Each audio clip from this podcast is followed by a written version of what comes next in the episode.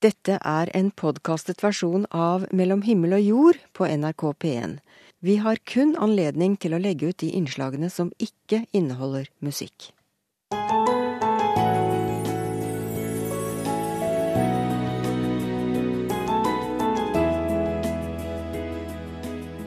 Mellom himmel og jord med Miriam Wiklund. Oppstandelse for meg betyr vel egentlig en slags bevissthet. At vi blir bevisst slik at vi lever livet vårt slik som vi innerst inne ønsker. Kristin fikk en ny vår da hun var ærlig mot seg selv og skiftet yrke. Mens Ingvild, som mistet sin kjære, finner stor trøst i troen på oppstandelsen, og tenker seg at han fortsatt lever i en annen dimensjon. Jeg ser jo for meg en, en tilværelse som er helt annerledes enn en jorden. Men, men, det bildet er ganske diffust, det, det må jeg si. Det, og det er akkurat som om jeg ikke bruker så mye tid på å tenke på det heller. Jeg tenker bare at det, det er, han er på et godt sted. Etter hvert treffer du begge disse kvinnene om du følger med oss den neste timen. Nå skal vi høre en historie om det å bli forelsket, det å miste den man elsker, og om det å holde ut fordi man tror på oppstandelsen. Øverst i trappa, ved inngangsdøra til fjerde etasje i Solligata 2 i Oslo, står Ingvild Hurlimann Linseth. Med fredagsfølelse på høye hæler, i kjole og oppsatt hår. Med ei flaske Prosecco i hånda. Hun er ovenpå nå, ikke bare i antall etasjer. Hun har begynt å komme seg etter den lange nedturen. La oss starte med den store forelskelsen. Jeg har tenkt mange ganger at åh, den dagen den skulle jeg gjerne opplevd uh, igjen og igjen og igjen og igjen. Det var som å liksom få alt det jeg drømte om. Det, det sto bare rett foran meg. Så når jeg tok han i, i hånden og han sa navnet sitt, så var det en sånn følelse at nå, nå skjer det. Ingvild møter Roland den store kjærligheten. De sitter rundt middagsbordet denne kvelden sammen med folk de er glad i. De har møtt hverandre for første gang for bare noen timer siden. Desserten kommer på bordet. Han sier vi trenger vel bare ei skei, vi? Og sånn ble det. De trengte bare ei skei. De delte alt. Det her var den store kjærligheten. Roland fra Sveits er sterk, frisk, sprek, aktiv. Det er mye som skjer rundt han. De er høyt og lavt, Roland og Ingvild. Og en dag eh, er de ute og springer orientering. Når han kom mål, så så jeg at han, at han var litt sint. Og, og det, jeg sto og tok bilde av han på oppløpet, da. Og da sa han 'du må ikke fange meg slik', sa han da. Og så sa jeg 'hva er det?' Og så da fortalte han at han hadde fått veldig høy puls. og så han sa at han, han, følte at det var noe galt, og at han trodde han måtte til legen. Men vi giftet oss den vinteren, den julen. 29. desember eh, på et fjell der hvor han vokste opp. Og, og så dro vi på bryllupsreise til Australia og var borte en måned. Og så kommer vi hjem, og så får vi svaret da at han har, at han har kreft. Mm. Det ble mindre aktivitet. Det ble mer sånn som Ingvild ønska det. Jeg har mange ganger tenkt at jeg trenger egentlig ikke noen andre enn Rola. Da. Jeg trenger bare han. Jeg kunne overlevd. Det er fint med bare oss to i verden. Det hadde vært helt utmerket. Og nå ville han det samme, så det gjorde på en måte den tiden også veldig fin. Mm. Det at vi fikk så mye tid sammen. Og når, vi, når, jeg sier dette med at kjærligheten mellom oss var så sterk, så var det jo på en måte også en følelse av å være omsluttet av, av Guds kjærlighet. Vi sang jo mye sammen. Roland merket at smertene ble mindre av at han sang, for da fikk han noe annet å tenke på. Og den yndlingssangen til Roland var jo en oppstandelsessang. Men det skjønte vi først etter han var død. Så det det, da ble jeg veldig glad, for det var ikke som om Roland på en måte hadde skjønt det, men jeg ikke skjønte det før mm. etterpå. Så han sa på en måte noe til deg Ja. etter at han var død? Mm. Den sangen er sånn I am sure I shall see the goodness of the Lord in the land of the living. Og det er livet etter tiden på jorden, da.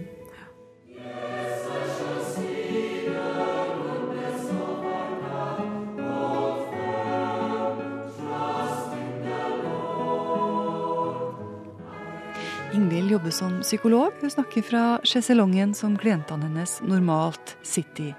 Opp fra veska fisker hun en diktafon som hun bruker fra tid til annen i jobben. Her på denne diktafonen så ligger det en skatt som hun hegner spesielt godt om. Det er Ingvild og Roland som synger.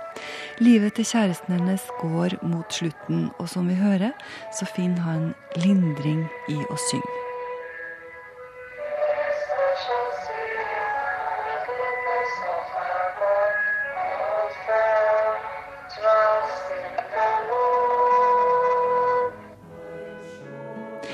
Ingvild og Roland, omslutta av Gud. Det er snakk om dager. Roland har begynt å snakke inn på diktafonen til Ingvild. Og vi skal gå en liten tur, og jeg tenkte jeg kan jo bare snakke litt her. Håper han forstår meg godt. Ingvild er ute og går tur, og Roland snakker om eh, hvordan han har det, og hva han tenker om situasjonen sin.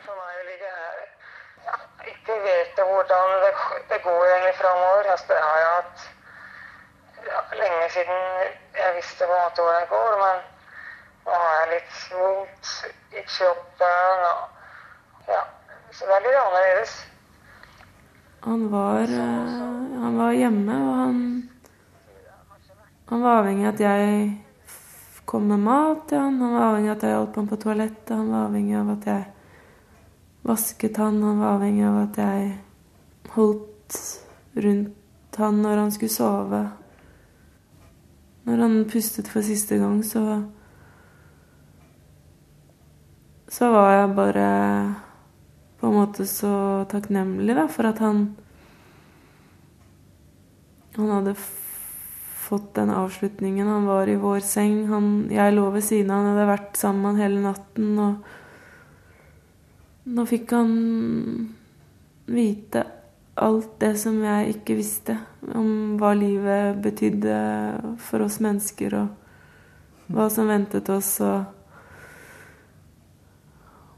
han hadde ikke smerte lenger, og Nei, det var i det hele tatt en sånn fin, rolig stemning på soverommet da, med stearinlyset som brant, og jeg, jeg kunne ikke be om noe mer, egentlig. Og så visste jeg at i det øyeblikket han døde, så levde jeg fortsatt, og at jeg hadde overlevd det sekundet. For det var jeg sannelig ikke sikker på. Jeg trodde nesten at jeg kom til å dø samtidig. Og jeg skjønte ikke hvordan jeg kunne leve et sekund lenger enn han og, og være meg, da. Jeg hadde nok gruet meg litt til det skulle skje, og så skjedde det, og så Og så var det et øyeblikk som jeg synes ble fint på en eller annen merkelig måte, men det ble det. Ja. Det var jo først mye senere det ble vanskelig for meg. Man kan jo spørre seg om hva er det som holder et menneske opp i sånne situasjoner? Hva var det som holdt Ingvild opp da hun fulgte kjæresten sin helt fram til døden? Jo, sier Ingvild, det var trua på oppstandelsen. Men eh, hva tenker hun at oppstandelse er, og hvor er det det skjer hen? Er det på jorda? Nei, jeg skal si at jeg kikker, jeg kikker opp mot himmelen. Jeg tenker at det er over oss. Jeg gjør det. Men eh, Hvor kommer den forestillinga fra? Ja. det har vel noe med hva man har hørt fra man var liten. Men eh, ja, nei, jeg, jeg kikker opp. Men akkurat hvordan Jeg tenker vel egentlig at, at, at Roland har eh, de tingene han trenger rundt seg. Samtidig så tenker jeg at han trenger nok ikke så mange ting. Jeg ser jo for meg en, en tilværelse som er helt annerledes enn en jorden. Men, men, det bildet er ganske diffust, det, det må jeg si. Det, og er akkurat som om jeg ikke bruker så mye tid på å tenke på det heller. Jeg tenker bare at det, det er, han er på et godt sted som ser annerledes ut enn en verden ser ut for meg. Det er ikke noe som du trenger å svare på? Nei, på samme måte som jeg ikke heller trenger å ha svar på hvorfor er vi her, og hva er meningen, og For meg er troen den er bare så enkel og ren og ukomplisert. Og det er en tro jeg ønsker skal være sånn. For det, det er det den betyr for meg. Og hvis jeg skulle begynne å analysere den for mye, så ville jeg på en måte ødelagt den litt, tror jeg. Mm. Men nå har det gått tre og et halvt år. Ja. Mm. Ja, og nå kjenner jeg at den livsgleden Roland hadde, som jeg falt for, den, den har han gitt til meg av en eller annen grunn. Han tenkte vel at jeg trengte den. Så den har jeg fått. Ingvild Hurlimann Linseth kom nylig ut med boka Jeg skal følge deg helt frem. Denne handler om det å bli stormforelsket, miste den man elsker, for så å reise seg igjen. Margrethe Nåvik var på besøk på Ingvilds kontor. Du hører på Mellom himmel og jord i NRK P1. Påske. God påske med NRK P1. NRK P1.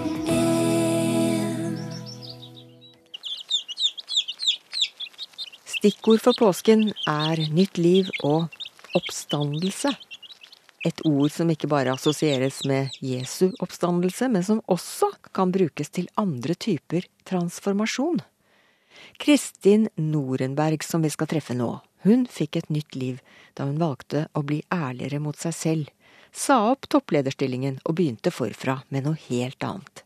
For henne har ordet oppstandelse fått en ny betydning. Eh, oppstandelse for meg betyr vel egentlig en slags bevissthet. Eh, at vi blir bevisst slik at vi lever livet vårt slik som vi innerst inne ønsker. Eh, slik som hva skal jeg si, sjelen vår virkelig higer etter. Da. Eh, men fordi at vi er oppdratt eh, på en måte, eller vi lever i et samfunn som, som kjører oss inn i visse spor, så gjør det at vi havner kanskje et eller annet sted som vi da plutselig lurer på om det er riktig å være på. Da. Og nå er vi ved kjernen av det vi skal snakke om. For Kristin hadde tilsynelatende alt, men hun ble ikke lykkelig før hun våget å være ærlig med seg selv. La oss ta det fra starten. Jo, jeg var jo eh, toppleder bl.a. i Gyldendal, hvor jeg var økonomi- og personaldirektør. Og eh, før det så hadde jeg også hatt en lang lederkarriere. Eh, jeg hadde holdt på i næringslivet i 25 år. Og så plutselig så skjedde det ting som gjorde at jeg måtte ta noen store beslutninger. Om det var dette jeg hadde lyst til å fortsette med resten av livet, eller om det var noe helt annet. Eh, og det var for så vidt en prosess som hadde gått over lang tid. Eh, fordi eh, jeg var økonomidirektør i Statkraft, og så skulle jeg til Nepal på en businessreise, fordi de bygde et kraftverk der nede, og jeg ville ned og se at, dette, at de brukte pengene som de skulle. Og vanligvis så sendte jeg jo andre mennesker på sånne reiser, for som leder så hadde du jo mye annet å holde på med. Men denne gangen så ble jeg nødt til å reise selv. Eh, og dette var midt oppunder jul, og det var eh, mye som foregikk på det private plan, og, og også selvfølgelig jobben. Eh, men jeg reiste, og det ble en, kall det life-changing opplevelse. Det var Jeg traff et folkeferd som var utrolig imøtekommende, nysgjerrige, blide. Um, og, de hadde et enormt um, nært, følte jeg, forhold til sin religion og til sine guder som de ofret til og ba til. Det er jo både hinduisme og buddhisme i Nepal. Uh, og, den lever veldig, veldig, harmonisk side ved side. De ligger jo ved siden av hverandre, disse templene. Og, og, og så, så, det var liksom det var en del sånne åndelige opplevelser som, som hvor jeg følte at det var Hva var galt med mitt liv? Ja, jeg, hva var galt med ditt liv? Eh, nei, mitt liv var jo Det jeg fant ut, var jo at, eh, at jeg hadde alt eh, jeg kunne ønske meg. Jeg hadde en karriere, jeg hadde god lønn, jeg hadde mann og barn og hus og hytte og alt mulig. Eh, men likevel så følte jeg at livet bare var et mas og en, eh, en Jeg vil ikke si krig, men altså det var liksom hele tiden eh, nye oppgaver. Jeg, jeg følte jeg løp etter meg selv. Og, og aldri Det var aldri nok. Jeg, aldri, jeg kom aldri frem, på en måte. Og, og, og det Ja, den åndelige nærheten og det spirituelle som jeg opplevde at det nepalesiske folket hadde, som var en integrert del i livet sitt, jeg følte en veldig lengsel etter noe mer, da. Og jeg tror vel nå at det noe mer var å, å se livet i perspektiv og, og få mer glede og eh, lykke inn i hverdagen, rett og slett. Altså det var, det var bare mas og, og, og løping. Jeg husker jeg, når jeg jobbet i, i næringslivet, så løp jeg alltid. Jeg løp nedover gangen, jeg hadde alltid dårlig tid. Fra møte til møte og i det hele tatt eh, Jeg satte meg aldri ned og kjente på hvordan jeg hadde det. Men det gjorde du i Nepal. I Nepal så, så fikk jeg en del opplevelser, som sagt, også på flyet hjem. Da kom det en stor, eh, tjukk eh, nederlender som ble sittende ved siden av meg i 15 timer fra Katmandu. Eh, og han eh, med blomsterkrans rundt halsen og en kjempebag med bøker mellom bena. Eh, og og vi, ja, han satte i gang en del samtaler og tanker hos meg som var veldig spennende. Hva var det han snakket om? da? Ja, Han snakket om mye, men, men han var jo eh, synsk, sånn som jeg forstår det nå. da. Han, han kunne fortelle meg om ting som hadde skjedd i mitt liv, og om ting som skulle skje fremover. Eh, Han visste ting om deg som du ikke hadde fortalt ham? ja, veldig mye. Og det, først så syntes jeg det var veldig skremmende. Jeg tenkte dette orker jeg ikke. 15 timer med det er helt uoverkommelig. Men så etter hvert så måtte jeg på en måte bare gi etter, og, og, og jeg følte at det han sa ga veldig gjenklang. Det var veldig ærlig, veldig ekte. Og så gikk det enda noen år før Kristin gjorde endringer i livet sitt. Da var det en bok om healing som gjorde utslaget. Altså jeg gikk inn på nettsiden til eh, forfatteren, og så fant jeg ut at han skulle ha kurs i Norge.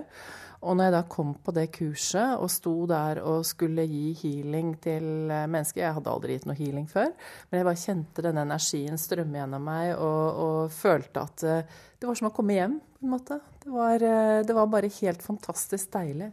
Det fylte meg med en enorm ro. En harmoni som jeg ikke hadde kjent på, på så lenge jeg kunne huske. Eh, og, og denne mm, Ja, bare at alt var sånn som det skulle være. Og det, jeg trengte ikke å gjøre noen ting. Jeg trengte ikke å oppnå noe eller prestere noe. Det var liksom bare eh, en sånn eh, indre ro som jeg, som jeg hadde lengtet etter veldig lenge. Og da, hva skjedde?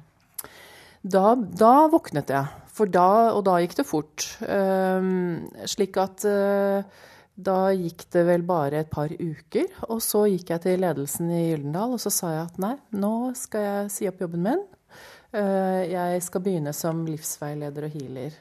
Eh, slik at, eh, fordi at nå, nå har jeg funnet ut hva jeg skal bli når jeg blir stor, og hva jeg ønsker å bruke livet mitt på. Og dette her gir ikke noe mening lenger. Hva slags reaksjoner fikk du da?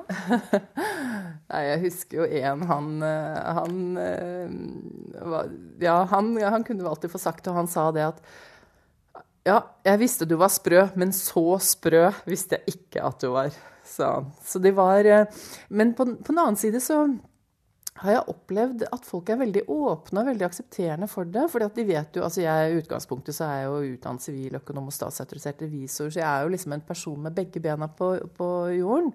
Eh, Så, så de som eh, jeg har rundt meg, de er, eh, har alltid vært veldig aksepterende i forhold til at OK, det, vi forstår at dette her er viktig for deg. Og jeg har jeg må innrømme at jeg kan ikke huske at jeg har fått noen negative kommentarer rundt dette i det hele tatt.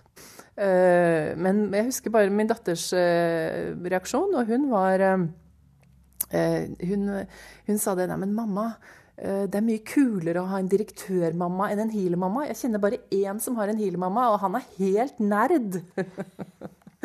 sa hun. Så, men det var jo ikke akkurat ting jeg kunne ta hensyn til. Da, så jeg måtte prøve å forklare så godt jeg kunne.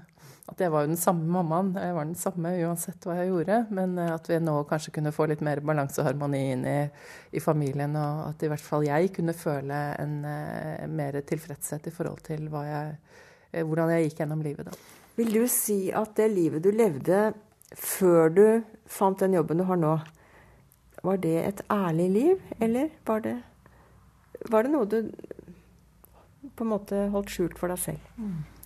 Nei, jeg, det var ikke et ærlig liv sånn som jeg ser det nå. Altså, jeg, jeg eh, Det var vel egentlig basert på eh, jeg vet ikke hva jeg skal si, frykt. Altså, og vi går jo veldig ofte vi, vi går jo veldig ofte i mønstre som er basert på frykt, i den forstand at, at jeg var lært opp til, som sagt, at liksom, du må bli noe her i verden. Du må få deg en ordentlig god basis og grunnmur. Uh, og, og, jeg måtte så mye, for det var så mye forventninger. Når jeg hadde den utdannelsen, så måtte jeg jo ha den type jobb. Og når jeg var inne i den type jobb, så måtte jeg jo ha en viss progresjon. Jeg måtte jo uh, jeg måtte bli sjef, ikke sant. Det var jo veldig mange sånne forventninger som var knyttet til disse tingene. Så hvordan eh, lever du nå, til forskjell fra den gangen hvor du bare løp? Når jeg bare løp, så hadde jeg jo, så hadde jeg jo alltid unnskyldninger. Nei, jeg hadde jo ikke tid til å meditere eller slappe av eller uh, ta noe tid for meg selv, fordi at det uh, det, ja, jeg hadde jo så mye å gjøre alltid. ikke sant? Og jeg måtte jo prioritere familien når jeg da endelig hadde litt fri.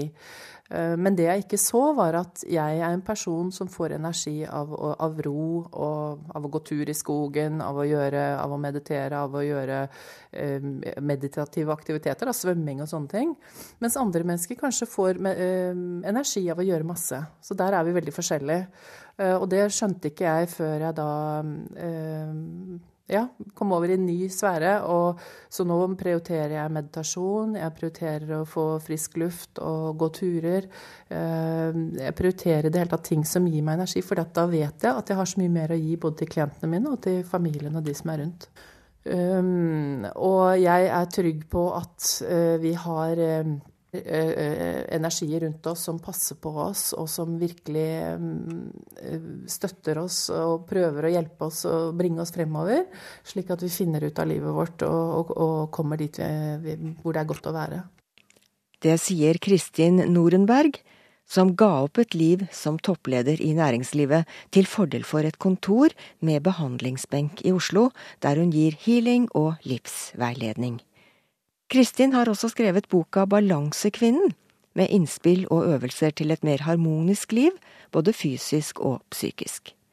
Kristin er medlem av statskirken, men betegner seg selv som en spiritualist. Samtidig forsøker hun å tenke som en buddhist, ved å leve i nuet og meditere. Med andre ord har hun formet sitt livssyn og gudstro i takt med sin egen selvutvikling. Og, som alle oss andre, feirer hun påske på sin måte.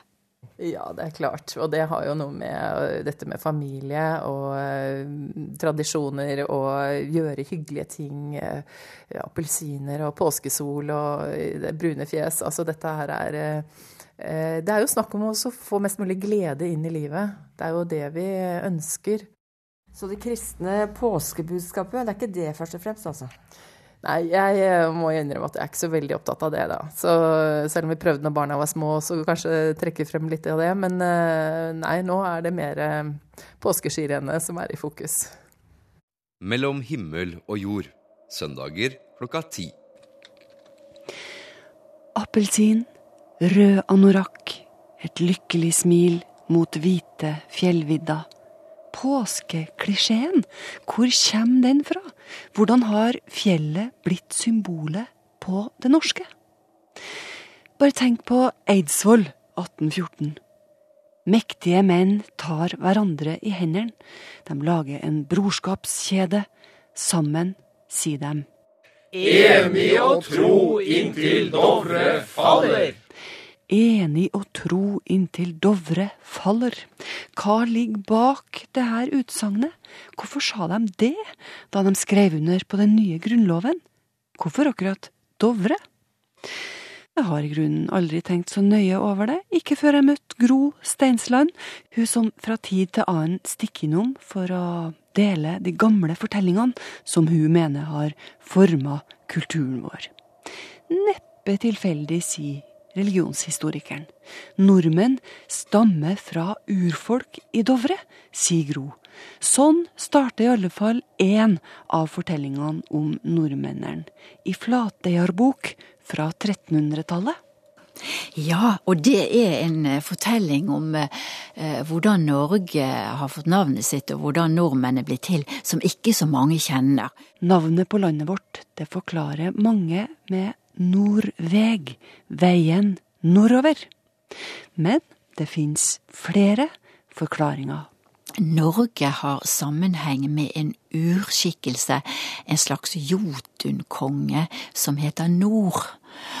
Og han var sønn av en stor og mektig igjen en jotunkonge langt, langt nord som het Fornjoter. Og bare legg merke til at nå er opphavet lagt til det ytterste nord. Fornjoter, han bodde langt nord, der det var is og kulde. Og han hadde noen etterkommere, og de mest kjente av disse er tre søsken. To brødre som heter Nord og Gord, og en søster som het Gode. Gode hun var en dag sporløst vekk, og brødrene la ut for å lete etter henne. Og så fant de ut at hun hadde slått seg ned på opplandene eh, i Dovrefjell, og der hadde hun gitt seg i lag med en kar som kalte seg Rolf fra Berg, og han var sønn av en jotun i Dovrefjell. Og fra disse to, fra Gode og fra Rolf i Berg, så stammer nordmennene. Nordmennene stammer fra et urpar i Dovrefjell. Du snakker om eh, at du undrer deg over at Dovrefjell har blitt et sånt sterkt symbol. Kan det ha vært uh, den pilegrimsferdselen til Nidaros som gikk over Dovrefjell som Den er nok med på ja. å gjøre det. Uh, og det er jo selvfølgelig Altså, veien over Dovrefjell, det er jo det som, som forbinder sør og, og, nord i landet. Så det har jo selvfølgelig vært en veldig viktig ferdselsåre gjennom tidene. Mm. Og, Men den reisa kunne jo være en prøvelse i seg sjøl?